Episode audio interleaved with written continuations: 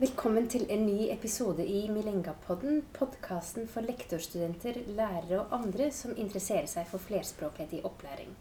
Jeg heter Jåke de Vilde og er førsteamanuensis ved Institutt for lærerutdanning og skoleforskning ved Universitetet i Oslo. I dag har jeg besøk av Ingrid Rodry Beiler, som er stipendiat ved samme institutt.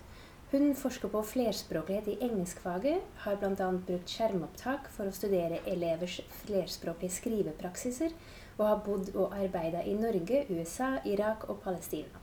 Velkommen hit. Takk. Eh, for å starte med et stort spørsmål, hvorfor har eh, flerspråklighet relevans for engelskfaget? Ja, jeg syns det er et fint spørsmål å starte med. fordi tradisjonelt sett så kan man tenke seg at um, ja, Naturlig nok ville noen si at det som har betydning for engelskfaget, er engelsk. Mm. og at man begrenser mandatet på den måten. Uh, men jeg tenker at det er minst um, fire vinklinger som, um, som, kan være fine å trekke fram. Um, det ene som en del lærere, spesielt de som også har eh, en bakgrunn i norsk som andrespråk, kanskje vil kjenne til, er det som kalles for en kontrastiv tilnærming. Og der er tankegangen at eh, det, kan, det, som man kan fra før, har betydning for det nye som man skal lære. Eh, så da kan du tenke deg f.eks. at når en elev skal lære seg engelsk grammatikk eller fonetikk, Eh, så vil det kanskje ha noe å si hva slags grammatiske systemer eller eh, språklyder de kan fra før. Sånn at, ja, et eksempel som ofte brukes i forhold til eh, norskspråklige elever, er at de kan ha vanskelig for å skille mellom V og W, eller V og W på engelsk, eh, fordi det skillet ikke fins på norsk. Eh, og da eh, kan man utvide det perspektivet til elever som har en annen språkbakgrunn enn norsk. Sånn at f.eks. arabisktalende elever kan ha vanskelig for å forme P-lyden. Ja, eller at elever med slavisk bakgrunn kanskje vil ha litt ekstra problem med artikkelsystemet. Og ja, igjen så er det her ting som sannsynligvis er gjenkjennelig for de som har bakgrunn i norsk som andrespråk, fordi at eh, vi snakker om en del ting som blir felles for norskinnlæringen og engelskinnlæringen. Eh, men eh, på et vis så er det en litt problemorientert tilnærming. Eh, og derfor syns jeg at det er viktig å supplere det med å tenke på eh, flerspråklighet som noe som kan bidra med strategier i språkinnlæringen for eleven. Um, og da kan det være strategier som enkelteleven har, f.eks. at de velger når de skal lese på engelsk for å eksponere seg for målspråket, og når de eventuelt også skal lese på et annet språk som de forstår bedre. Um, for å få ekstra informasjon eller uh, andre perspektiver. Um, det Kritisk tenkning er jo noe som, har, um, som er et viktig fokus både i læreplanen i engelsk og i mange andre fag.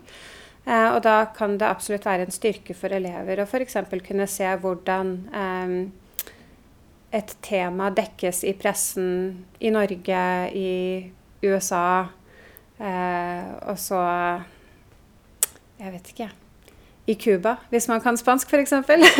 Eh, da handler det også om å få fram eh, ulike perspektiver ved hjelp av språk.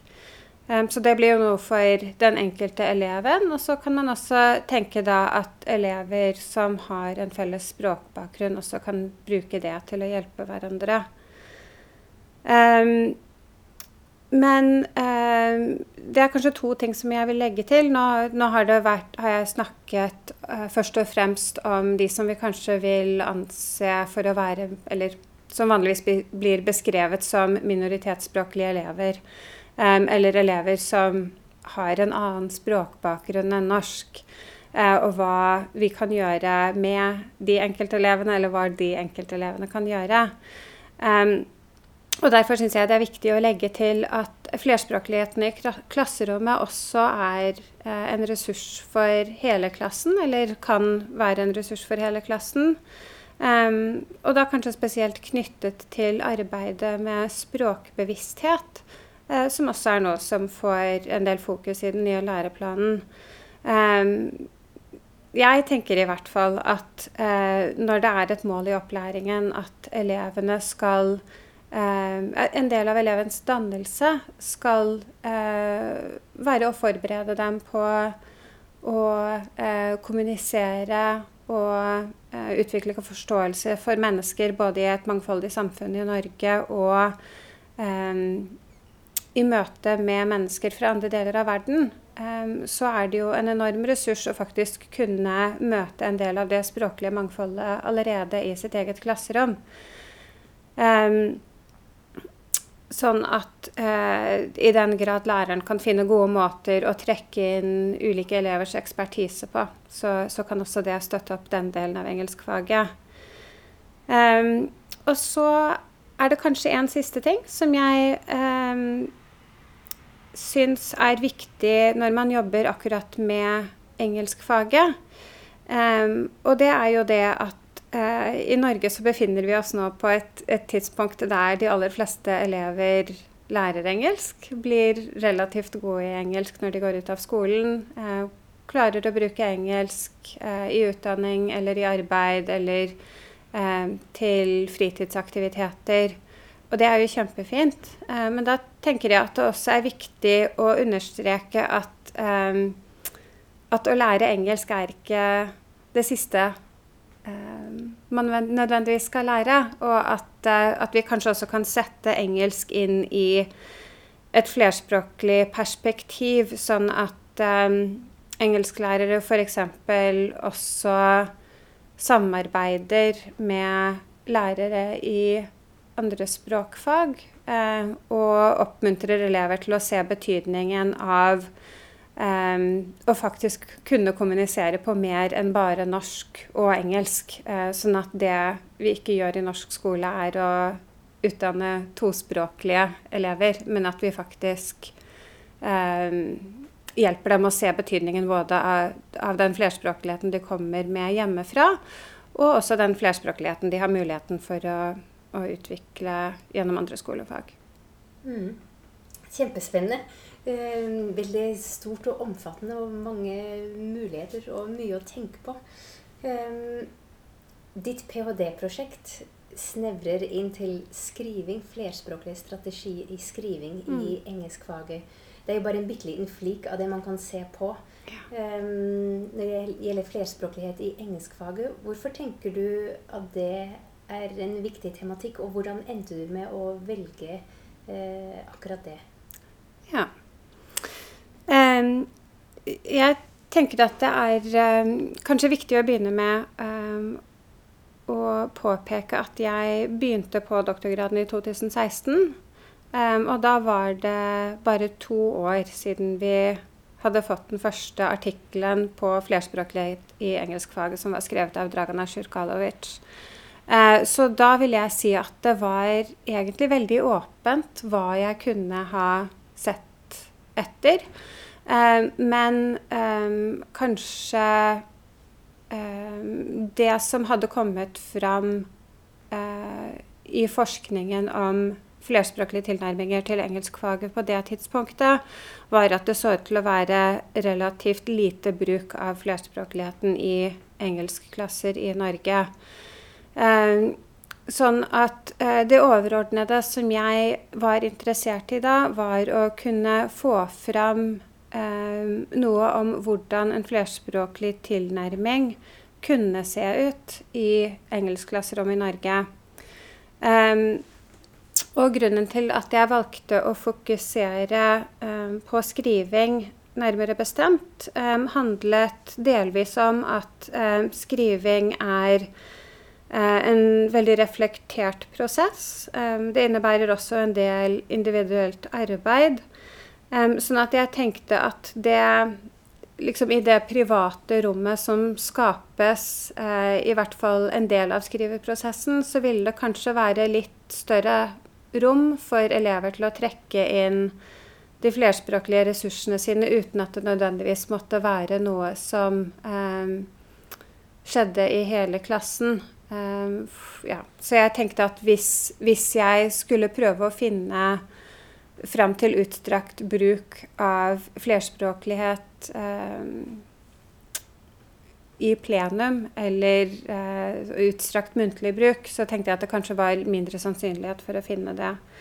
Um, ja, så det, det handlet kanskje først og fremst om at jeg ville se om jeg kunne finne noe tegn på flerspråklige strategier i engelskklasser i Norge, og at, um, at, jeg tenkte at skriven kanskje ville åpne for det i større grad. Um, og så kanskje bare en siste faktor var at um, skriving jo er noe som er veldig tett knyttet til skole.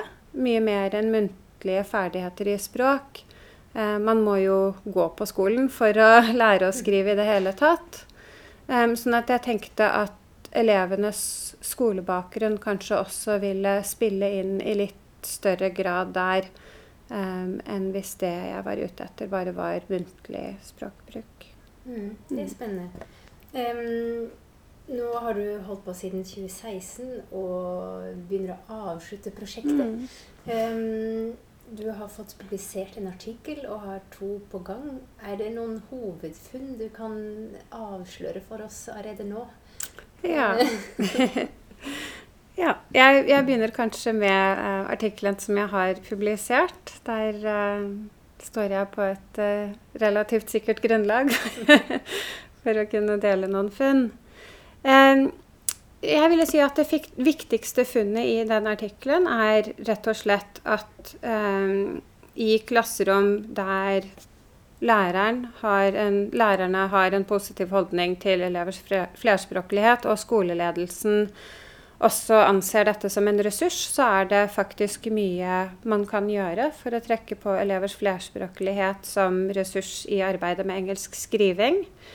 Um, jeg kan jo eventuelt gå inn på spesifikke eksempler, men eh, kanskje for å forholde meg til et relativt overordnet plan, eh, så syntes jeg det var spennende å se at eh, disse lærerne hadde uh, bevisste strategier for å trekke på elevers flerspråklighet. Og da handlet det mye om å oppmuntre elevene til å bruke flerspråkligheten i sitt eget skrivearbeid. Um, og det, det, er sikkert noe som er viktig å understreke. At dette var ikke klasserom der uh, lærerne kunne noen av språkene som var representert i klassen, utover norsk eller engelsk. Uh, det var veldig mangfoldige klasserom, veldig mange forskjellige språk som var representert. Um, og da så uh, lærerne at dette var noe som elevene kunne benytte seg av. Eh, og at deres rolle i stor grad var eh, å oppmuntre, da f.eks. ved å ha en eksplisitt samtale om skrivestrategier. Eh, jeg husker et tilfelle fra et av disse klasserommene der elevene skulle sette i gang med, med en skriftlig oppgave, og som en del av forberedelsesfasen så satt satte læreren i gang en samtale om eh, hva slags strategier de kunne benytte seg av. Eh, da kom elevene med forslag som å oversette ord som de ikke forsto, eh, lese på morsmål, lese på engelsk, og, og, da fikk de en positiv tilbakemelding fra læreren på det. Og, og det tenker jeg har veldig mye å si for hvorfor elevene da eh, følte at dette var strategier som de, de kunne bruke Um, sånn at, ja, jeg vil si at lærerne og elevene kanskje igjen forsterket um, ja, Eller støttet opp under de strategiene i samhandling med hverandre. For tenker du at det er strategier som elever i mer eller mindre grad bruker uansett, og at det er ved at mm. læreren um, plukker dem opp og løfter dem fram, at det styrker mm. elevens um, hva skal man si, litt sånn sjøltillit på at det kan være nyttig i læringsarbeidet? Mm. Det, det, er et interessant spørsmål. Um, og det er litt vanskelig å vite uh, hvor det kommer fra. uh, når man går inn i et klasserom og man ser at noe skjer. um, hvem kan man takke for at, uh, at det har blitt sånn? Eh,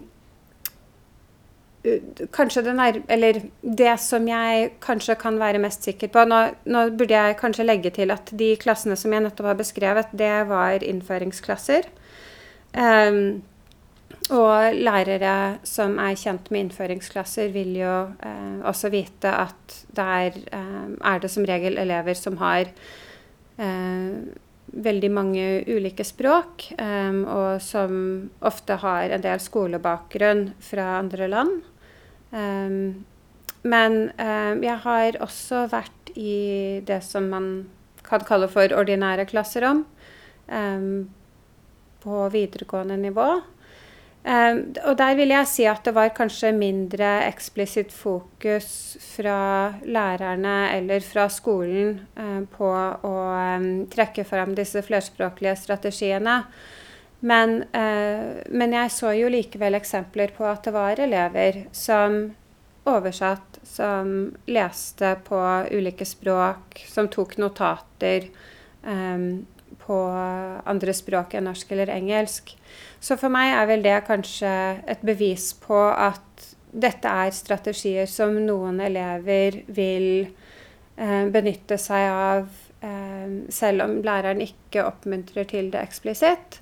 Så um, det at læreren bare løfter fram det som elever allerede gjør, er nok absolutt en viktig bit av det. Um, samtidig så vil jeg tro at um, et slikt eksplisitt fokus kanskje vil um, bidra til å øke andre elevers bevissthet om at dette er noe som de kan ha nytte av. og at det kanskje også kan gi dem lov til å prøve noe som de um, ellers ville tenkt ikke var en hensiktsmessig arbeidsmåte, fordi det tradisjonelt sett har, veldig, har vært veldig mye fokus på en enspråklig tilnærming til, til språkundervisning. Ja, for det tenkte jeg at jeg skulle spørre om. Mm. Um, møtte du noen elever som kanskje gjorde det, men hadde litt dårlig samvittighet? At de tenkte at nei, jeg bør holde meg til engelsk? Ja, det møtte jeg absolutt på. Um, ganske mange tilfeller av det. Hva tenker du om det? Ja, jeg, jeg tenker at det er uh, det, det, er kanskje viktig, viktige momenter for meg som forsker, fordi det utfordrer meg til um, å tenke gjennom mitt eget syn på tematikken. Um, vi kommer kanskje tilbake til til akkurat det metodiske, men jeg jobber jo i en uh, lingvistisk, etnografisk tradisjon. Og der er det stort fokus på å få fram deltakerperspektiver. Og da omfatter jo også det deltakerperspektiver som uh, er ulike mine egne. Eller, ja, sånn at, uh, og deltakerperspektivet deltakerperspektiv som ikke nødvendigvis var de som jeg var ute etter Ja, hvis, hvis, det går an å si det på den måten. Um, så jeg vil være forsiktig med å ikke si at de tar feil, eller at de skulle gjort det på en annen måte. Um, jeg Kanskje en måte å, å, tenke på det er at elever som mener at det er mest hensiktsmessig å jobbe på en enspråklig måte, trekker jo også fram et viktig prinsipp i språkinnlæring, og det er eh, prinsippet med eksponering. Um, jeg tenker at de aller fleste som f.eks. har hatt mulighet for å um, dra på språkreise eller ha et utvekslingsår, um, har erfart at de har eh, hatt veldig god nytte av den ekstra eksponeringen til språket som de prøver å lære seg. Eh, sånn at det at elever har lyst til å utfordre seg selv til å se f.eks. om de klarer å gjøre noe bare på engelsk, at det, det er også noe som må være lov, og, um, og at vi også kan eh, gi dem honnør for, uh, for, den motivasjonen som de har til, å, til å prøve å bli bedre i språket, tenker mm. jeg. Ikke sant? Mm. Um, skolen ville jo være kjedelig om alle tenkte likt. ikke sant. um, du var inne på det med en lingvistisk etnografisk tradisjon. Ja. Um, kan du forklare litt mer hva det innebærer? Hvordan jobber man da? Hvordan tenker man mm. uh, da? Ja. så jeg har nevnt et viktig kjennetegn allerede, og det er fokuset på deltakerperspektiver. Um, så et fokus på deltakerperspektiver innebærer jo metodisk sett eh, vanligvis å eh, intervjue deltakere. Men det som kanskje skiller eh, en etnografisk tilnærming fra en ren eh, intervjustudie, er eh, at man eh, også mener at mye kunnskap som deltakere har, altså, og da snakker vi om elever, lærere osv., eh, handler om eh, kunnskap som er blitt skjult eller implisitt på et vis, fordi, eh, fordi, man er så vant med å gjøre ting som man gjør, og at det er så mye i livene våre som er selvfølgelig. Sånn at det kan være vanskelig å få fram eh, et fullstendig perspektiv på hvordan elever eller lærere oppfatter eh, klasseromsinteraksjonen bare ved å stille dem spørsmål om det. Eh, hvis man da f.eks. skulle stille en elev spørsmålet 'Hvorfor rekker du opp hånda når du vil svare på et spørsmål?' Eller eh, til læreren 'Hvorfor står du eh, Altså Hvorfor må elevene se på deg i timen? Hvorfor står du foran pultene og ikke bak? Eh, det er ting som, som, man er så rutinert med at, at eh, sannsynligvis så vil verken lærerne eller elevene ha reflektert over det. Og derfor så mener etnografer at eh, tilstedeværelse og observasjon også er en veldig viktig del av å forstå deltakerperspektiver eller eh, deltakeres livsverden kan være en annen måte å tenke på det.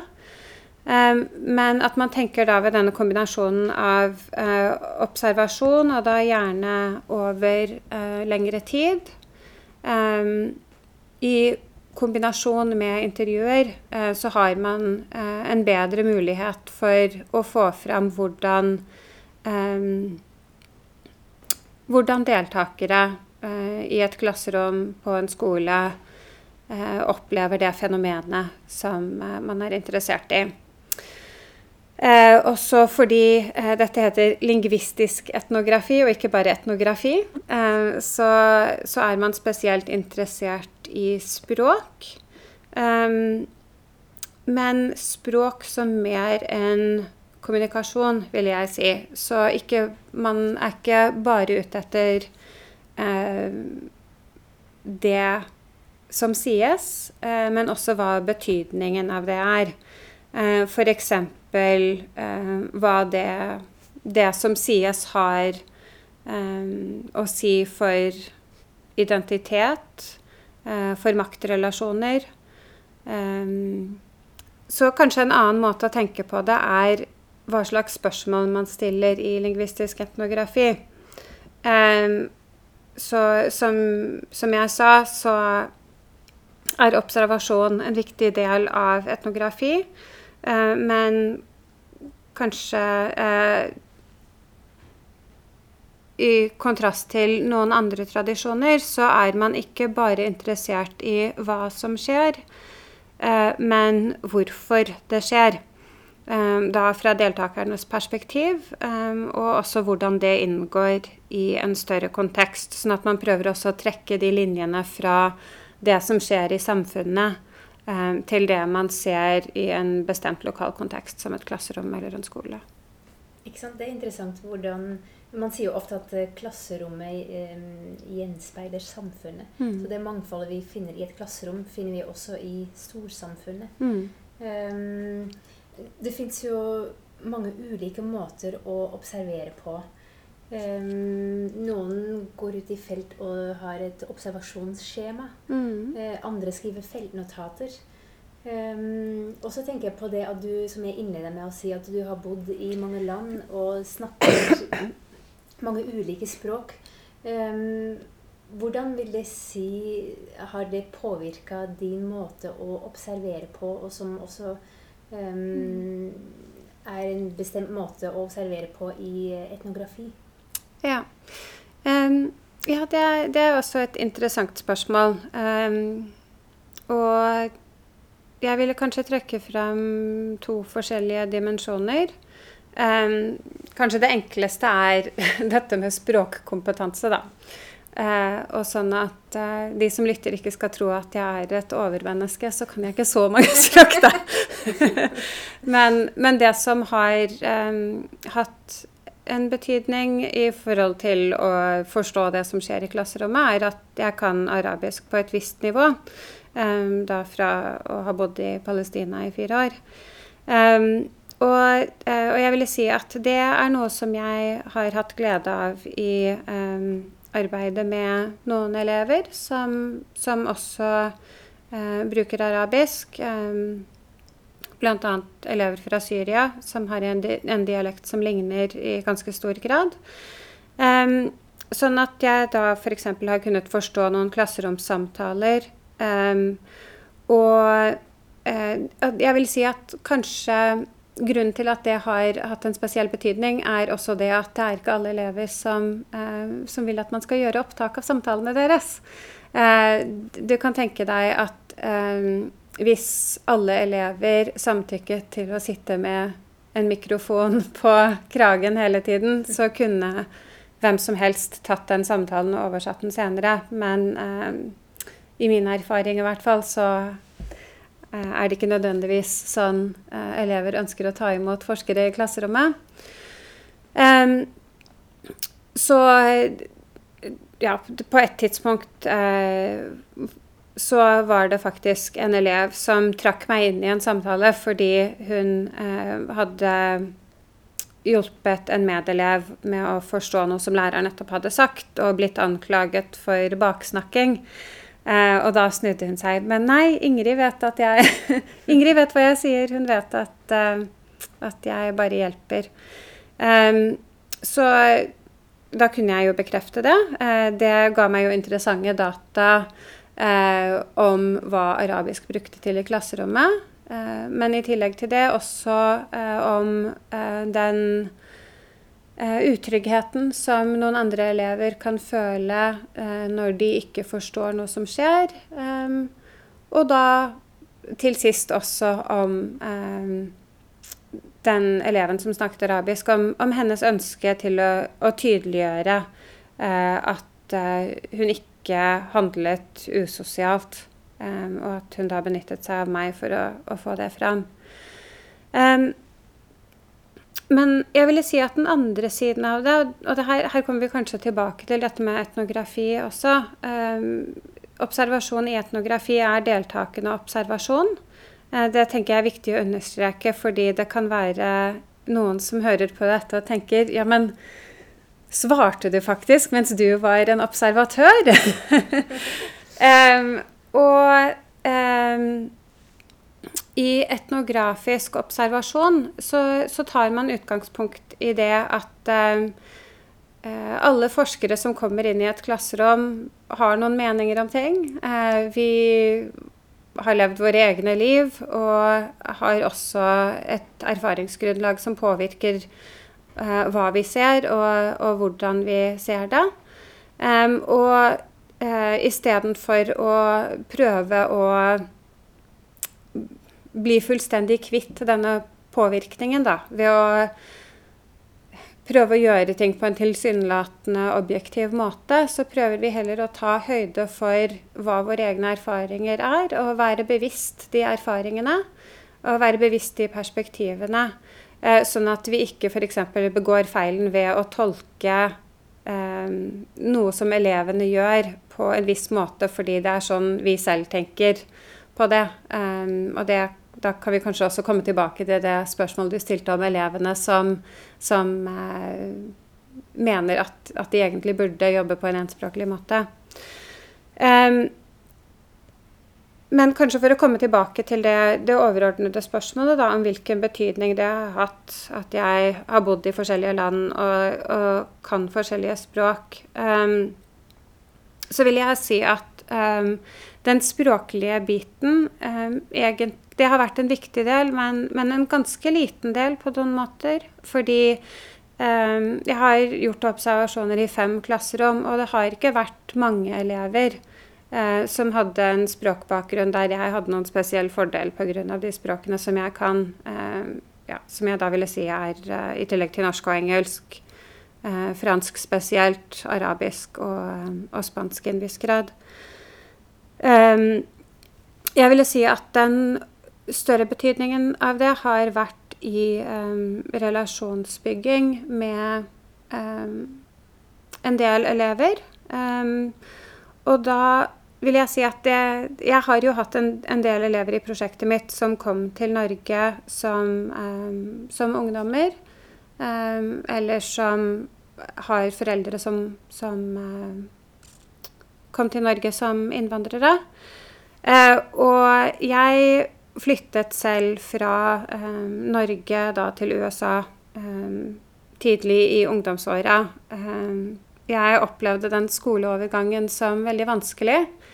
Og jeg tror at det faktisk er noe av det som har gjort at jeg i det hele tatt var interessert i å lære mer om hvordan elever som er nyankomne i Norge, opplever den overgangen til skolen her. Og, og, da hadde jeg ganske mange fordeler fordi jeg har, jeg har amerikansk far, så jeg hadde sterk språkstøtte hjemmefra. Jeg hadde statsborgerskap i det landet som jeg flyttet til, men likevel syntes jeg det var veldig vanskelig.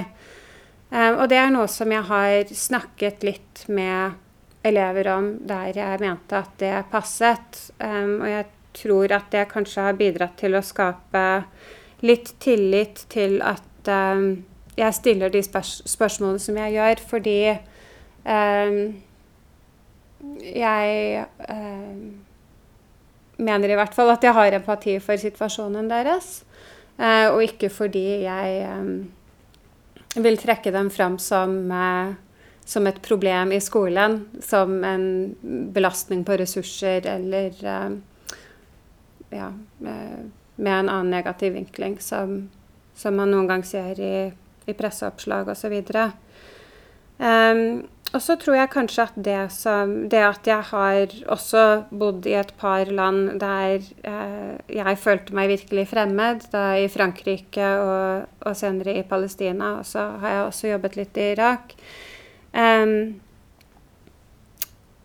jeg, jeg, tror at for elever som selv har vært gjennom det, så, så, skaper det også tillit til at jeg har forståelse for at uh, den typen overgang er vanskelig. og At man gjør det beste man kan med situasjonen, men, men det tar tid.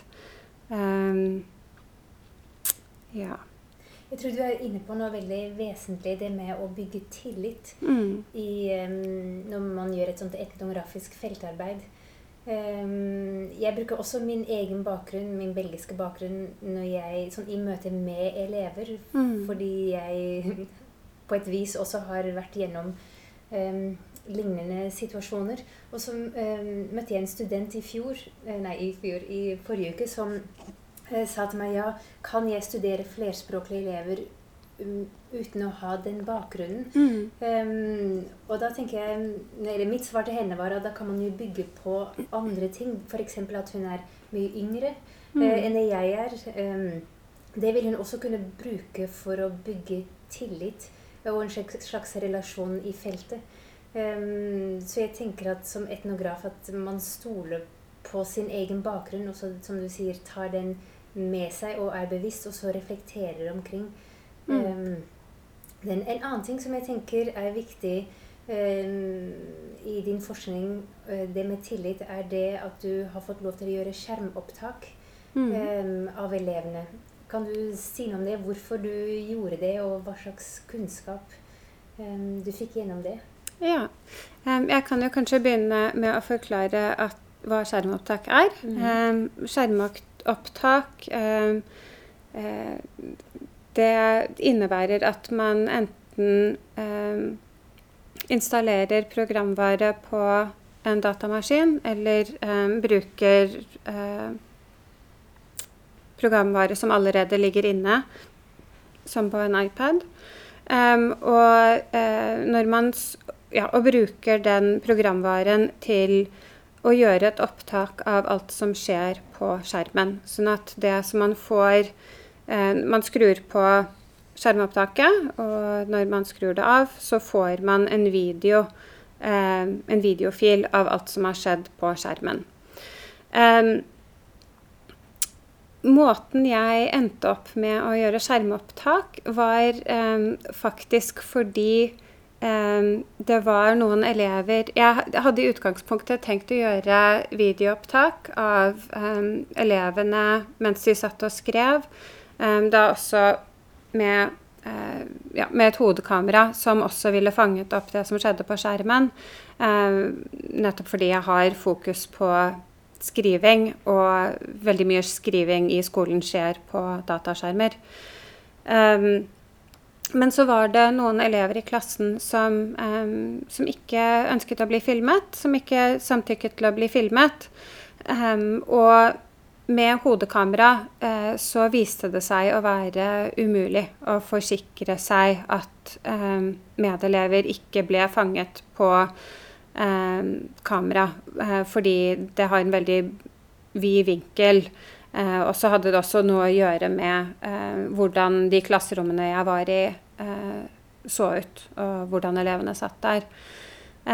så da fikk jeg et godt råd fra Teaching and Learning Video Lab her på huset på ILS om å prøve skjermopptak.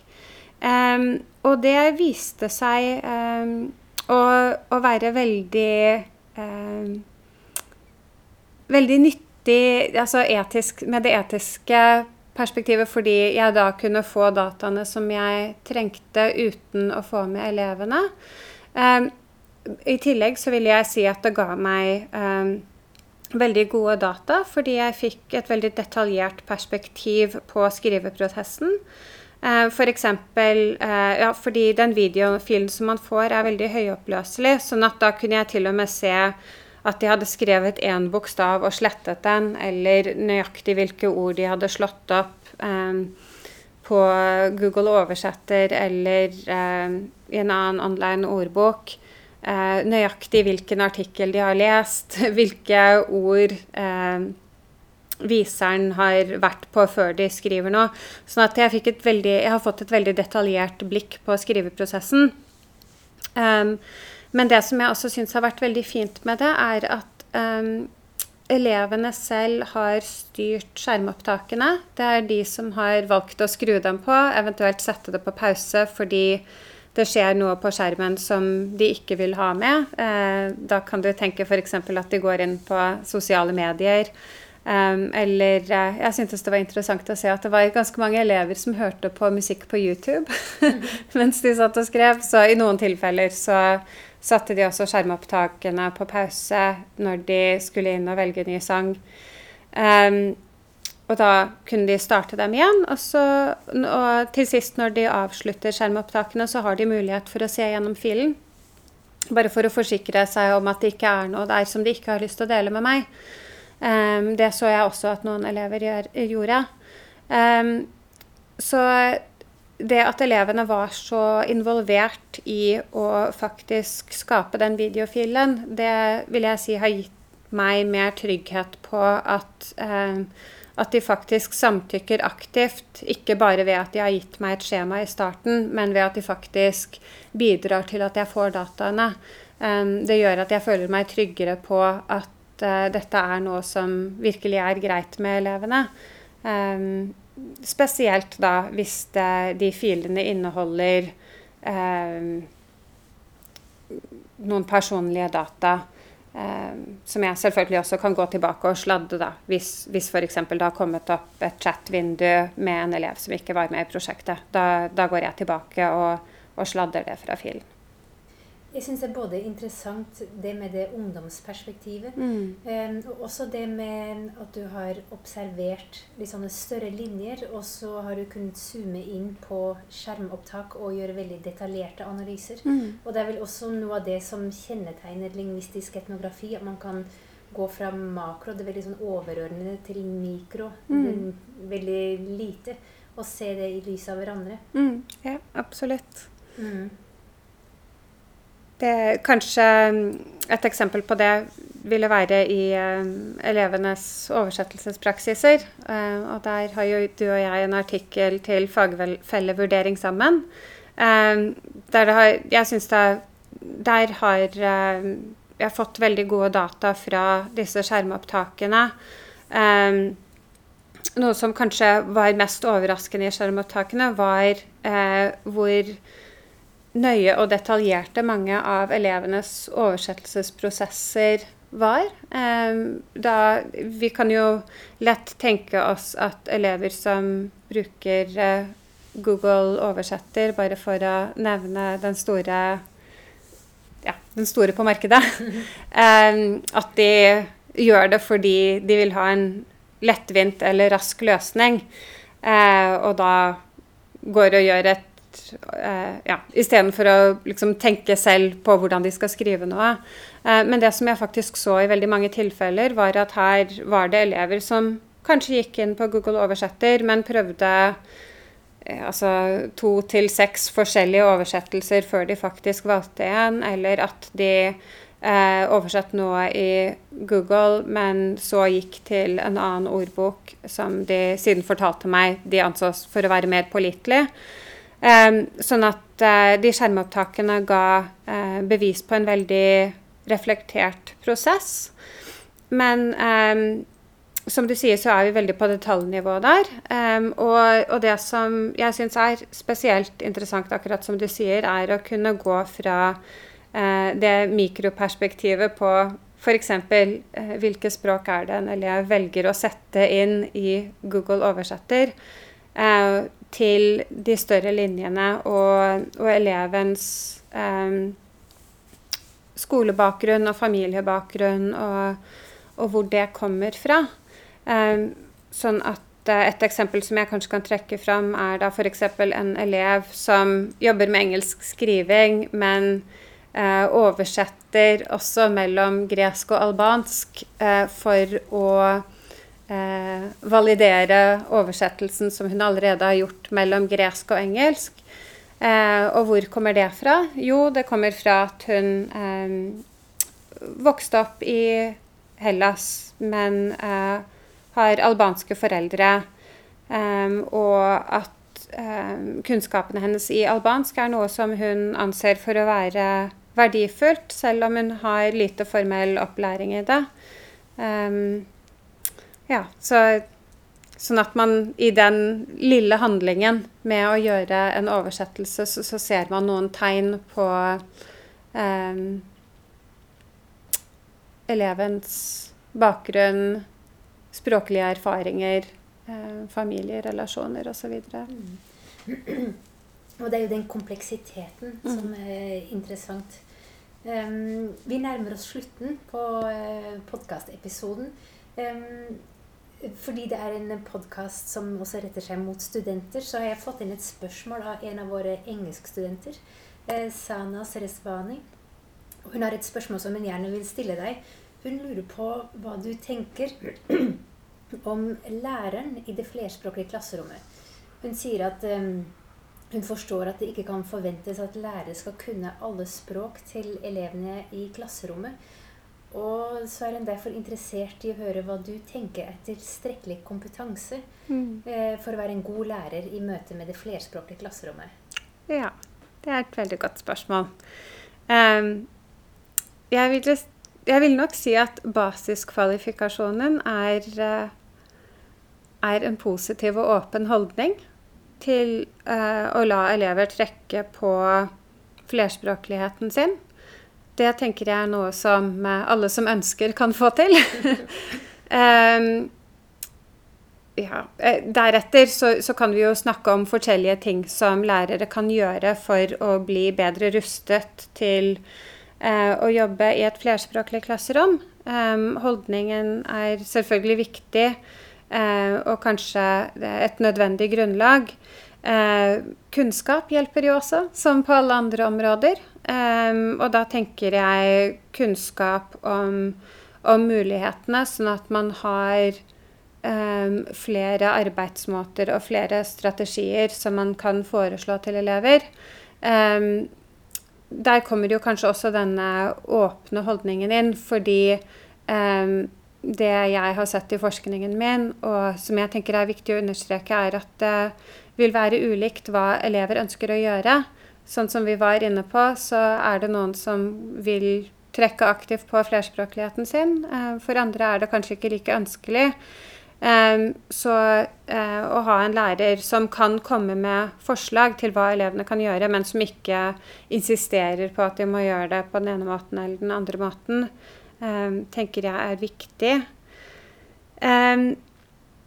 Um, og det som jeg har sagt hittil, det, det, går vel kanskje i retning av å betrygge de som um, kan norsk og engelsk, men kanskje ikke føler seg så stødige på noen andre språk, at, at de, har, um, de har det grunnlaget som trengs uh, på lik linje med andre. Um, men så, så, vil jeg jo også si at, at jeg syns at lærere som har andre språk å bidra med, ikke skal være redd for å også eh, bruke det til å hjelpe elever på den måten som de kan. Eh, F.eks fordi de mener at det er urettferdig at de kan hjelpe en elev eh, og ikke en annen elev. Eh, jeg tenker at i, eh, i, undervisningsarbeidet så gjør vi alt vi kan for å hjelpe alle elevene, og at vi ikke trenger å være tilbakeholdne med en type hjelp fordi, eh, fordi vi kan tigrinja, men ikke arabisk og dari og polsk. Um, og så ja, kanskje to ting, og så må vi, må må vi avslutte. Det, det, kan jo også handle om å lære seg litt om elevers språk. Um, det, jeg tenker at I en travel hverdag så er det få elever som har tid til å gå på språkkurs for å lære alle språkene som elevene kan. Men man kan f.eks. finne et oppslagsverk som forklarer litt om uh, forskjellige språk. Uh, da er vi kanskje litt tilbake til det kontrastive perspektivet. Men eh, lærerne som jeg har hatt kontakt med i eh, forskningen min, syntes f.eks. det var veldig nyttig å lære at eh, på polsk så har man ikke eh, bestemt og ubestemt artikkel. Og da forsto de plutselig hvorfor, eller, ja, hvorfor det kunne være vanskelig for visse elever. Eh, og det tok kanskje ikke så lang tid å finne ut av, men, men hjalp dem ganske mye i arbeidet med noen elever. Um, og så Det her kan jo kanskje også være en fin måte å avslutte på. At um, hvis vi går tilbake til lærerens um, holdning, uh, og at det, det, er viktig å ha en åpen holdning overfor elevers flerspråklighet, så, så, tror jeg at, at klasseledelsen faktisk også er viktig. Uh, fordi uh, det jeg i hvert fall har sett, er at, at uh, noen elever kan føle seg utrygge på at andre elever snakker språk som de ikke forstår.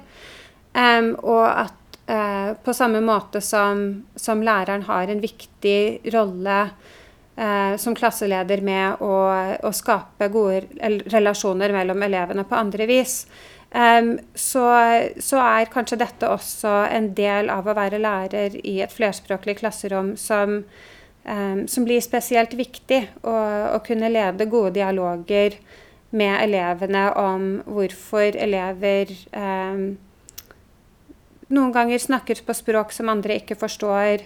Uh, hva betydningen er for den enkelte elev av å være flerspråklig.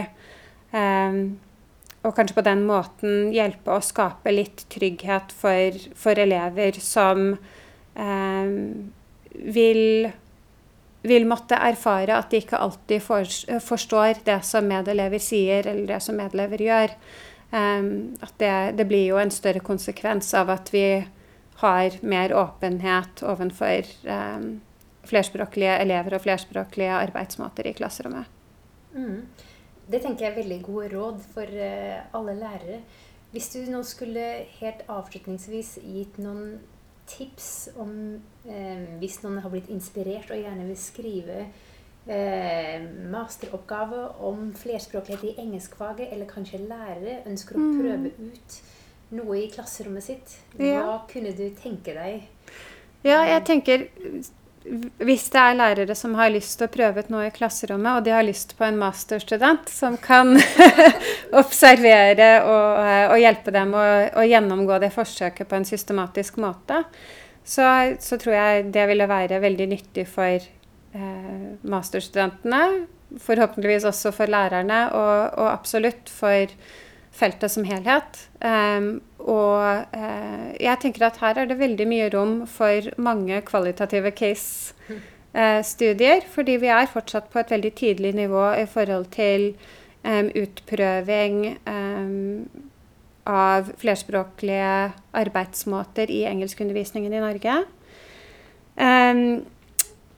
sammen med Ulrikke Rindal så veiledet jeg en masterstudent i engelsk didaktikk, Hafsa Warsame, som eh, gjorde dette. Eh, så det er altså en masteroppgave man, man kan se til for inspirasjon. Det er W-A-R-S-A-M-E. Um, og så, um, så tenkte jeg at, at, det kanskje kan være fint å nevne at um, det er jo to uh, minoritetsspråk som er spesielt henvist til i læreplanen i engelsk. Eh, og det er samiske språk og også norsk tegnspråk. Eh, der kjenner jeg til veldig lite forskning, veldig lite norsk forskning på slike perspektiver i engelskfaget. Sånn at hvis det er masterstudenter som har eh, tilgang til deltakere som kan gi innsikt i eh, koblinger mellom samiske språk og engelsk, eller, mellom, ja, eller undervisningen av engelsk for eh, tegnspråksbrukere, så tenker jeg at det også kunne være et veldig viktig bidrag. Mm. Takk. Um, tusen takk for at du kom hit, Ingrid Rodrik Beiler, og for at du delte noen refleksjoner rundt flerspråklighet i engelskfaget og ph.d.-prosjektet ditt. Eh, vi kommer tilbake med nye gjester og flere interessante temaer knytta til flerspråklighet i opplæring i Melenga-podden, så følg med. Takk.